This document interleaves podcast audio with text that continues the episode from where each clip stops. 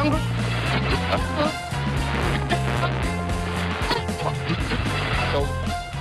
hører nå på Lunsjpod, det siste 24 fra Radio Nova.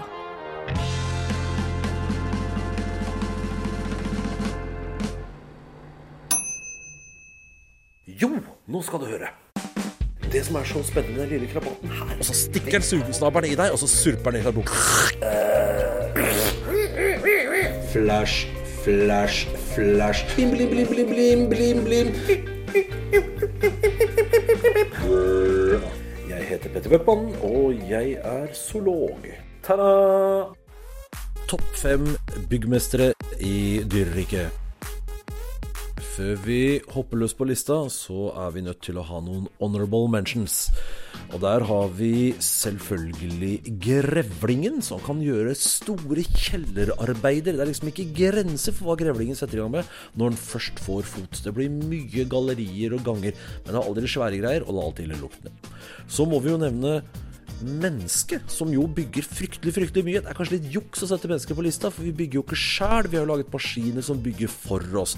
Heisekraner og gravemaskiner og sånn. Skulle vi bygget alt med muskelkraft, så hadde det ikke vært så skrekkelig imponerende. Og det leder oss til den tredje honorable mention, som er ovnsfuglen, som ja, det er en hel haug ras av dem. Han kliner opp noen runde, søte reir laget av strå og leire. Og de bygger dem helt sjøl, uten gravemaskin, og bærer alt sammen i nebbet. Men lista. Femteplass maur. Mauren kjenner vi alle sammen. Store, fine tuer. Tua til en maur er, kan sammenlignes med en skyskraper hos oss mennesker. Det er altså fryktelig mye byggverk for en bitte liten maur, og alle sammen må samarbeide. Skal man bygge så stort, så nøtter det ikke å drive og bygge aleine. I hvert fall ikke når man er et lite insekt. På fjerdeplass termitter. Nå kan man si at man kan lure litt på om termitter og maur fortjener hver sin plass, men termitter og maur er faktisk ikke i slekt med hverandre. Termitter er slektning av kakerlakken, og maur er en slektning av vepsen. De to har utviklet det å bygge tuer hver for seg. Og termittuene er faktisk mer avanserte. De er ikke bygget med pinner og strå, de er bygget med leire, solid leire. Og de kan være ganske avanserte med luftekanaler og mye styr som gjør at de holder en konstant temperatur, selv i ørkenområder hvor det kan være minus 20 om natta og pluss 40 om dagen. På tredjeplass hyttebyggerfuglen. Hvorfor bygger vi her i verden? Vel, man kan jo bygge seg et bol å bo i, sånn som mauren gjør, men hyttebyggerfuglen bygger for å imponere damene. Den setter opp pinner og ståp og skråp på tryss og tvers, og venter på at hyttebyggerfuglhunden skal komme og beundre byggverket. For å pynte om så drar den i land blomster og sneglehus og bær og ja, plastikksøppel for den saks skyld, og legger det i forskjellige mønster, gjerne i spesielle fargetemaer, for å gjøre damene myke i knehasene. Interiørarkitekter kan ha mye å lære her. På annenplass korallrev. Og nå er vi oppe i alvorlige byggere. Dette er dyr som bygger ting som ses fra verdensrommet, folkens. Men grunnen til at de ikke har havnet på førsteplass, er at korallene ikke bare bygger, de også vokser sammen med byggverket sitt. De skiller ut byggverket som en del av kroppen. Er det rettferdig? Disse andre dyra har tross alt dratt sammen pinner. Disse her skiller ut noe, og derved så overlater vi førsteplassen til Barna bever. Bever er det eneste dyret som bygger noe som ikke er en del av seg selv, og som synes fra verdensrommet. Og Det kan man selvfølgelig stusse på, men beveren demmer jo opp bekker. Og bekker blir til sjøer, og sjøer syns veldig godt når du sitter i en satellitt, for de reflekterer sollys. Og det fins altså beverdammer oppe i Canada som er mulig å se fra verdensrommer. Med andre ord, den ubestridte byggmesteren her i dyreriket, beveren. Well, I never get tired, tired, tired of working on the building.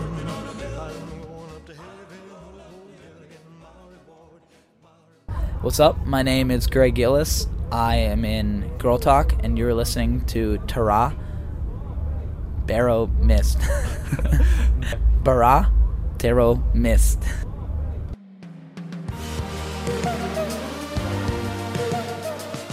Jeg hedder Nana, og jeg spiller guitar og synger. Og jeg hedder Thomas, og jeg spiller bass og synthesizer. Og Hvordan uttaler man egentlig bandnavnet deres? Er det Lowly? Ja, Lowly. Ja, lige præcis. Som i low, og så LY.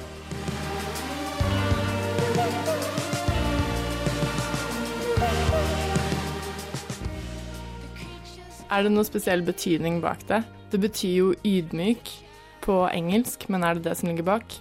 Um, jeg tror faktisk, at vi valgte navnet, fordi vi synes, det var et flot ord, og egentlig ikke rigtig vidste, at, at det betød noget. Det har vi faktisk fundet ud af bagefter.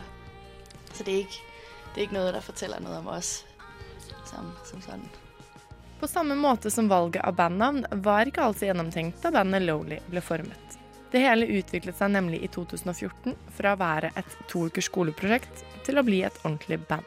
Nanna Chanong og Thomas Lund hadde sammen på dette tidspunktet et annet prosjekt i gang, og ble enige om å samarbeide. Og sammen samlet de flinke musikere på skolen deres. Annet Sofie Wiemose, Kasper Staub og Steffen Lundtoft. Og sammen formet de altså bandet Lowly. Selv om de ikke kjente hverandre så godt, viste dette seg å være en god match. Men det var ingen av medlemmene som visste at det lille prosjektet deres ville føre til flere konserter, en debut-EP og en viktig platekontrakt allerede kort tid etter. Det, det er litt sjovt, fordi vi hadde, altså, vi hadde, ikke riktig planlagt, at det her prosjektet skulle være mer enn en de to uger, vi skulle arbeide sammen. Øh, og det gikk ret lang tid, før vi faktisk aksepterte at, at øh, vi ble litt nødt til å fortsette med det. Øh, vi, havde, havde nogle møder, hvor vi snakkede om, at fordi vi havde ligesom alle sammen hver vores projekter. Vi blev enige om, at det her var, var, var kun for sjov, og det var et sideprojekt. Men vi fandt bare rigtig hurtigt ud af, at vi ville, vi ville bare virkelig gerne lave noget mere musik og lave noget mere musik. Og så var Daydreamers ligesom det første, vi smed ud, fordi vi så fik at vide, at vi skulle spille på Spot Festival. Og så blev vi lidt nødt til ligesom at, at tage den der branchehat på, og så gøre noget aktivt for ligesom at få vores musik ud.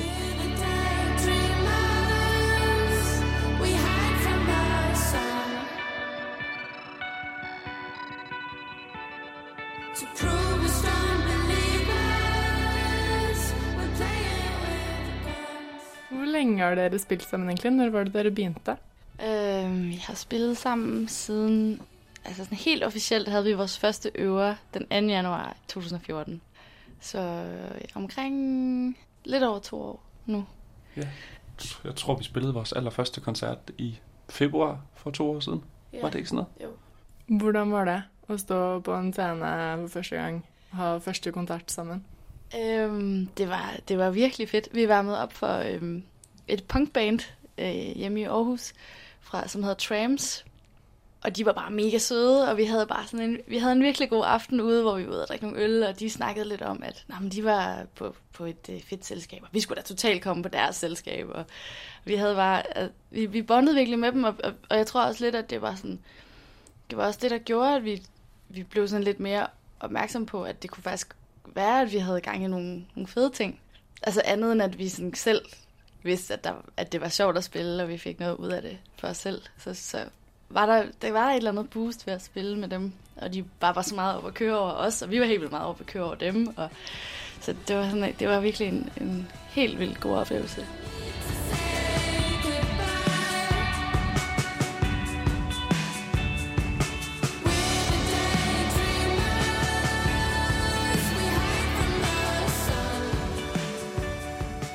Dere er jo under plateselskapet Bella Union. Hvordan kom dere i kontakt med de?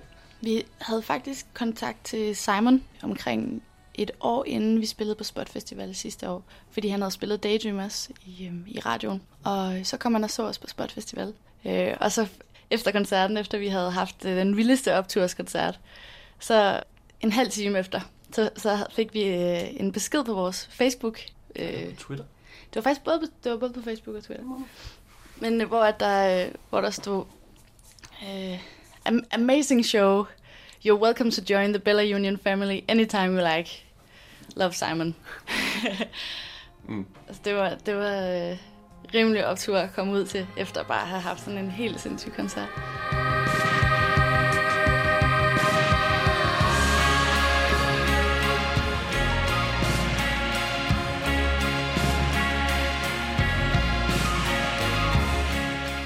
Lowly er godt omtalt for sin særegne musikkstil, som er preget av bandets varierte musikkbakgrunn. Og med alt fra jazz, hiphop, folk, rock og elektronika bringer medlemmene hver sin individuelle sjanger til bandets lydbilde. Nanna og Thomas er enige om at det nok er en av grunnene til at de fem er en så god match, men at det også gjør det vanskelig å sette ord på hva slags musikk Lowly faktisk spiller. folk har omtalt det som noise pop. Er dere Mm. enig i det?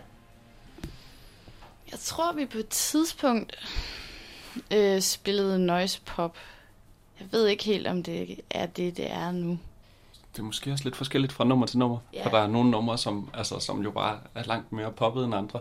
Jeg tror, genremæssigt, hvad man skal kalde det, det der er nogle numre, som, er, som sikkert stadigvæk er noise pop, og så er der nogle numre, som... Er Ja. lidt mere straight pop, og nogle numre, som er lidt mere eksploderende. Øh. Øhm, men det, jeg tror også, det er meget de der lidt øh, sjove elementer, altså af anderledeshed, som så gør, at det netop er for det første helt vildt svært at definere, men også det, der gør vores lyd på en, på en måde. Netop at, at også at vi giver, at giver lov til, at, at der bare kommer idéer ind. Øhm, uden at, at, øh, at vi sådan... Jeg tror, vi, vi, er ikke, vi er ikke så begrænset af at, at, ligesom at sige, okay, men er det her lovligt? Altså, vi, vi snakker nogle gange om det, men det er ikke sådan... Men vi, vi er også ret gode til ligesom at sige, at det skal vi ikke, altså skal vi ikke tænke på, fordi det bliver lovligt, når vi spiller det.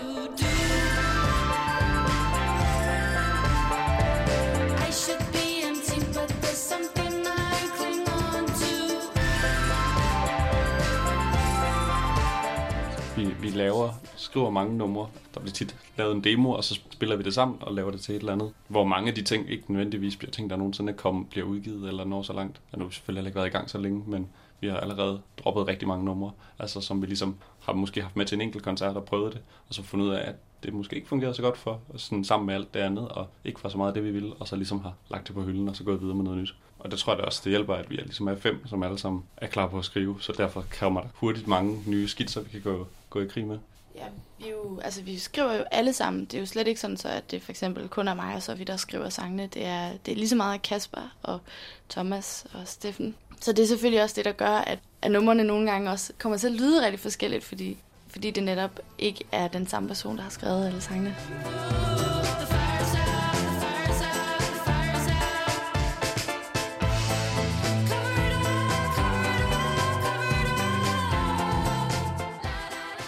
Er drømmestedet dere har lyst til å spille?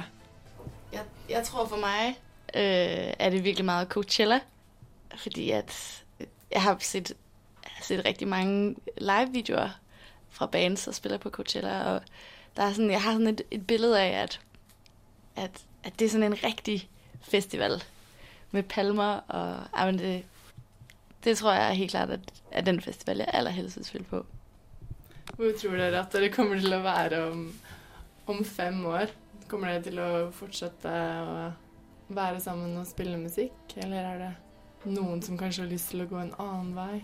Vet dere det? Jeg tror da, jeg tror da, vi satser rimelig meget på det. Altså, og bare håper på, at vi får lov til å lave en masse plater og komme ut og spille en masse seige festivaler rundt omkring i verden. Det kan være, vi skal spille Coachella om fem år. Det kunne da være stærkt.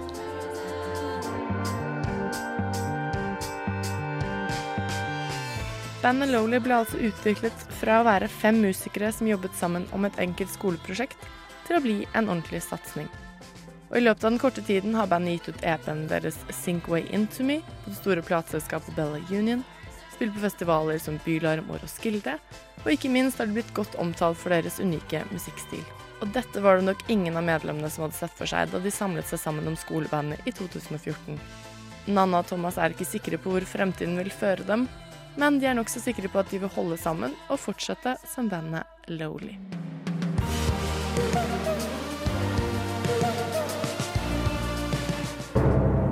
Og nå, nå nærmer det seg, nå nærmer det seg, nå nærmer det seg, nå nærmer det seg. Skumma kultur, hverdager fra 9 til 10, FM 99,3 på Radio Nova. Der var han oppe. Våren er i gang for fullt, og før du vet ordet av det, er det sommerferie. Noen er kanskje fornuftige og har tenkt å bruke sommerferien til å jobbe, mens andre har tenkt å nyte ferielivet. Kanskje til og med utenfor din egen hjemby. Vel, er du interessert i en storbytur med shopping og fest, eller en uke hvor du ligger langstrakt på stranda med en drink i hånda, eventuelt en kombinasjon av alt? Her kommer noen tips for enhver student som foretrekker å reise til studentvennlige priser. Først ut på lista er Polen. Polen er et land med mange spennende byer med både kultur, shopping, strand og uteliv. Hva med en tur til hovedstaden Warszawa, hvor du kan besøke gamlebyen og flere av landets beste museum? Det er også gode shoppingmuligheter og et forrykende uteliv. Det sies også at Warszawa er en av de eneste byene hvor du faktisk får smake god mjød.